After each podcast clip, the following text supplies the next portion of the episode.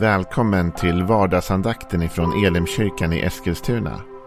Det här är en podcast som kommer ut måndagar till fredagar. Om du vill veta mer om vilka vi är, vad vi tror på, hur du kan komma i kontakt med oss eller vad vi kan erbjuda dig för någonting så gå in på www.elimkyrkan.com. Får jättegärna gå in och likea vår Facebook-sida. Det är facebook.com elimeskilstuna. Eller så söker du upp oss på YouTube och då söker du på Elimkyrkan Eskilstuna. Vi vill jättegärna komma i kontakt med dig. Men nu lyssnar vi till dagens andakt. Välkommen till eh, vardagsandakten och en ny vecka. Det är ju måndag idag. Så nu startar vi på ny kula.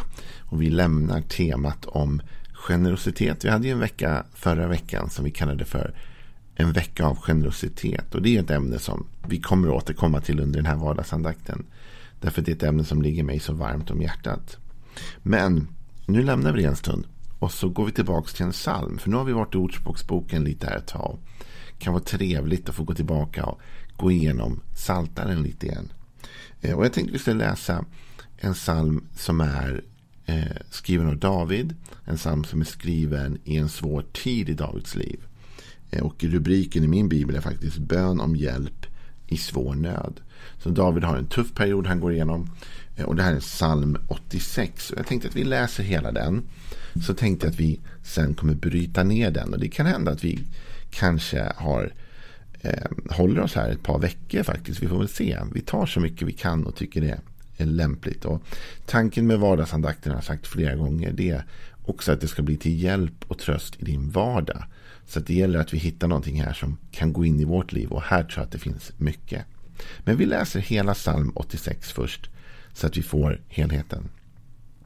Herre, vänd ditt öra till mig och svara mig, för jag är svag och fattig.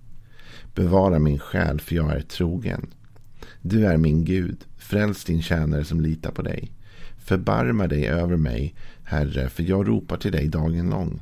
Gläd din tjänares själ, för till dig, Herre, lyfter jag min själ.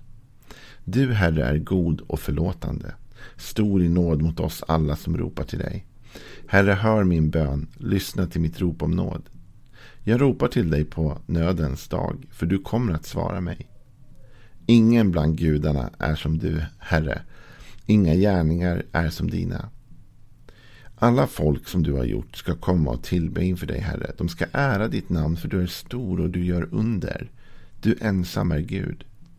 Visa mig, Herre, din väg. Jag vill vandra i din sanning. Ge mig ett odelat hjärta så att jag vördar ditt namn. Jag vill tacka dig, Herre. Herre min Gud, av hela mitt hjärta och ära ditt namn i evighet. För din nåd över mig är stor. Du räddar min själ ur dödsrikets djup. Gud, de fräcka reser sig mot mig. En flock av våldsmän vill ta mitt liv. Det har inte dig för ögonen. Men du, Herre, du är en barmhärtig och nådig Gud. Sen till vrede och stor i nåd och sanning. Vänd dig till mig och förbarma dig över mig. Ge din makt till din tjänare och fräls din tjänarinnas son. Ge mig ett tecken på din godhet. Låt dem som hatar mig se dig och skämmas. För du, Herre, hjälper och tröstar mig. En ganska halvlång psalm. Där David utgjuter sitt hjärta i en tid av svårighet och nöd. Jag tänkte idag att vi bara skulle uppehålla oss lite grann vid den första versen. För den fascinerar mig lite grann. Herre, vänd ditt öra till mig och svara mig. För jag är svag och fattig. Å ena sidan skulle man kunna stanna upp vid Herre vänd ditt öra till mig. Det är ju bara en bön egentligen av, av David att Gud ska uppmärksamma honom. Gud se mig, Gud hör mig. Och det är väl ofta så när vi går igenom tuffa tider i livet att vi, vi längtar efter att någon ska se det, att någon ska höra det. Ibland kan det vara en, en hjälp stor nog att ta sig igenom mycket av prövningen. Bara att vi känner att någon såg det och någon hörde det och någon uppmärksammade att jag mådde dåligt. Och det kan liksom ge ro och styrka och frid. Att jag, oj, någon såg, någon hörde. Så David säger Gud, vänd ditt öra till mig och svara mig. Jag behöver hjälp, jag behöver, behöver dig Gud. Men så kommer den formulering som jag tänkte att jag ville få fundera lite kring med dig idag. Där det står för jag är svag och fattig. Och det är klart, det där är en prövning som många människor säkert kan känna igen sig i eller känna att man, man, man kan relatera till. Att man är svag, att man är kraftlös, att man är fattig, att man inte har det man behöver, de resurser man behöver. Eh, och det blir såklart en prövning, det blir en svår tid när vi står utan kraft och när vi står utan eh, det materiella eller rikedom eller pengar eller vad vi behöver nu för någonting då för att vara rika. Men, här kommer menet. Låt mig utmana dig en tanke, med en tanke och säga att David, han var ju inget av det. Alltså David som skriver den här saltarsalmen är ju till synes varken fattig eller svag. David är ju kung i Israel. Är man kung är man ju inte svag. Han har ju den högsta positionen i landet. Ja, han kan ju kanske uppfattas som, som svag gentemot möjligtvis andra kungar eller andra riken. Men, men i Israel så är han ju den starkaste. Han sitter ju på den högsta positionen. Det är ju David här som har besegrat Goliat, kommer ni ihåg? Det är han som fällde jätten. David, hans kungarike, om vi går tillbaka, tillbaka och tittar på judisk historia så är det ju de gränser som Israel hade på Davids tid i de man vill återuppnå. Man, man tycker att Israel har aldrig varit så starkt som under Davids tid. Så David var ju på inget sätt svag. Och fattig då? Var David fattig? Alltså om vi läser Bibeln, det tempelbygge som David drar igång och det hus han själv bor i och Gud hjälper honom att bygga och, och hur han levde så ser vi David var på inget sätt materiellt fattig. Han var rik. Han var väldigt rik. Att han kunde samla in så mycket medel till byggandet av templet som hans son sen fick färdigställa innebar att David var på inget sätt fattig. Och ändå så säger David här, för det här är ju en bön, en psalm av David. Han säger så här. Jag är svag och fattig.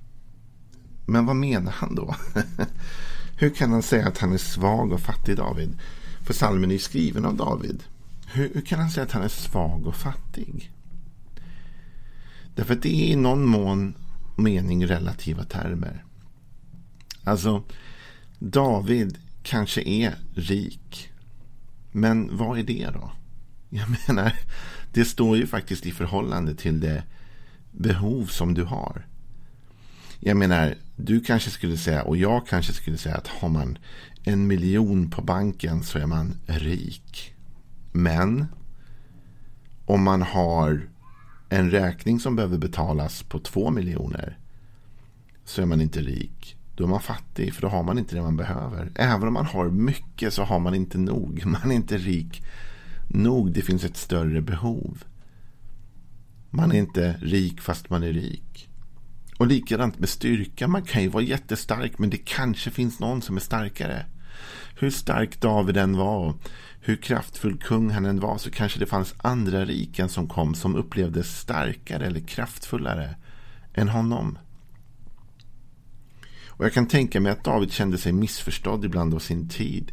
Att det fanns säkert människor runt David som sa nu lär du bara larva dig. Du är rik David och du är, du, du är stark. Hur kan du sitta här och själv ömka dig och säga att du är svag och, och fattig? Du är bara löjlig David. Men David kanske kände av att det fanns behov och utmaningar större än honom. David kanske kände av att fastän jag till synes är rik och till synes är kraftfull så är jag inte det jämfört med det som nu håller på att komma upp emot mig. Jag är inte så stark som jag borde vara. David visar här en enorm självinsikt. En självinsikt som inte många av oss har. Utan vi dras med ibland i det här tänket att vi är starka, rika och vad vi nu kan vara. Gud faktiskt förmanar en församling i Uppenbarelseboken om detta. När Gud skriver i Uppenbarelseboken sju brev via Johannes som skickas ut till församlingarna så skriver han till församlingen i Laodikea så skriver han så här i Uppenbarelseboken kapitel 3 och vers 17. Du säger, jag är rik, jag har fått rikedom och behöver ingenting. Och du förstår inte att just du är eländig, ynklig, fattig, blind och naken. Jag råder dig att köpa guld av mig som är renat i eld så att du blir rik och vita kläder att skyla dig med så att din skamliga nakenhet inte syns och salva att smörja dina ögon med så att du kan se.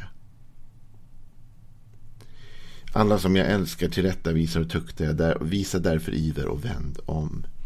Det här säger Gud till församlingen i Laodikea. Att du lever i självbedrägeri. Du säger att du är rik men du är fattig. Du är blind. Du är naken. Du har inte självinsikt här om förvisso kanske du är rik till en viss nivå men inte i förhållande till de utmaningar som du står inför. Du lever förblindad. Jag möter ibland människor som, som tänker att vi kan aldrig nå Sverige, vi kan aldrig vinna Sverige därför Sverige har det för bra, Sverige har det för välställt. Men det är inte sant. Sverige lever i självbedrägeri precis som du och jag ibland gör. Vi tror att vi är rika men vi är inte det. Vi är egentligen fattiga, svaga. I förhållande till de utmaningar som finns för vår själ, vår ande, för vår livet så är vi där. Och alla människor kommer till den punkten ibland. När vi förs in i den situationen där vi inser att vi inte är så starka som vi borde. Och vet du, det är egentligen väldigt bra. Ibland tänker man så här att en känsla av svaghet, en känsla av fattigdom, det kan väl inte vara bra att gå och känna sig så. Att vara deppig och känna sig eh, eh, liksom, det blir hopplöst på något sätt. Men vet du, det är ganska bra. Därför när vi inser vår egen brist och när vi inser just att vi inte räcker till, vad händer då? Då vänder vi oss till någon annan. va? Då vänder vi oss efter hjälp.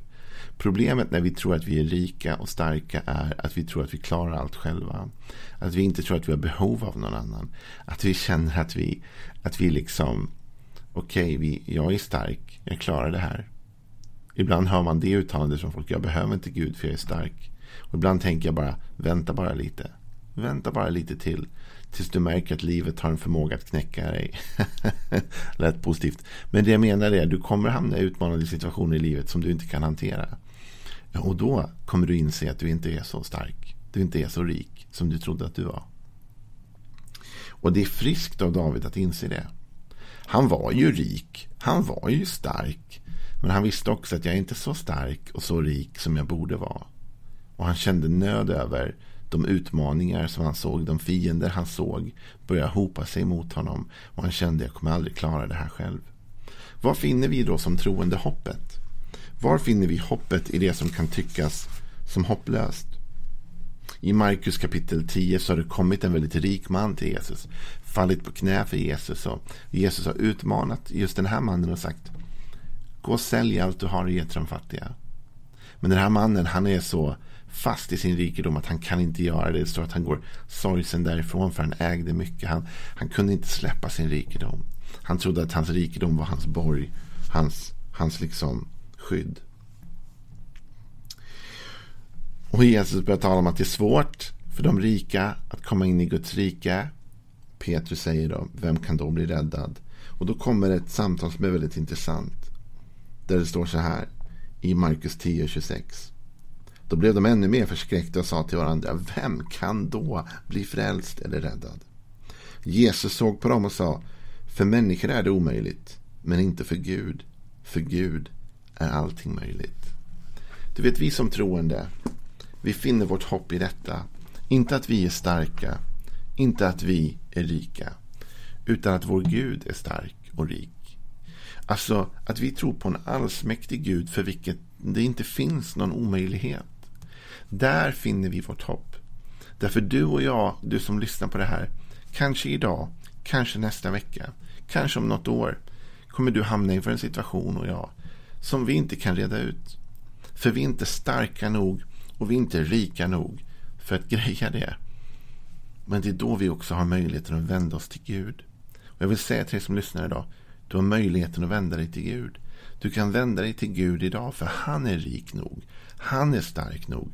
För människor, säger Jesus, är det omöjligt. Men inte för Gud.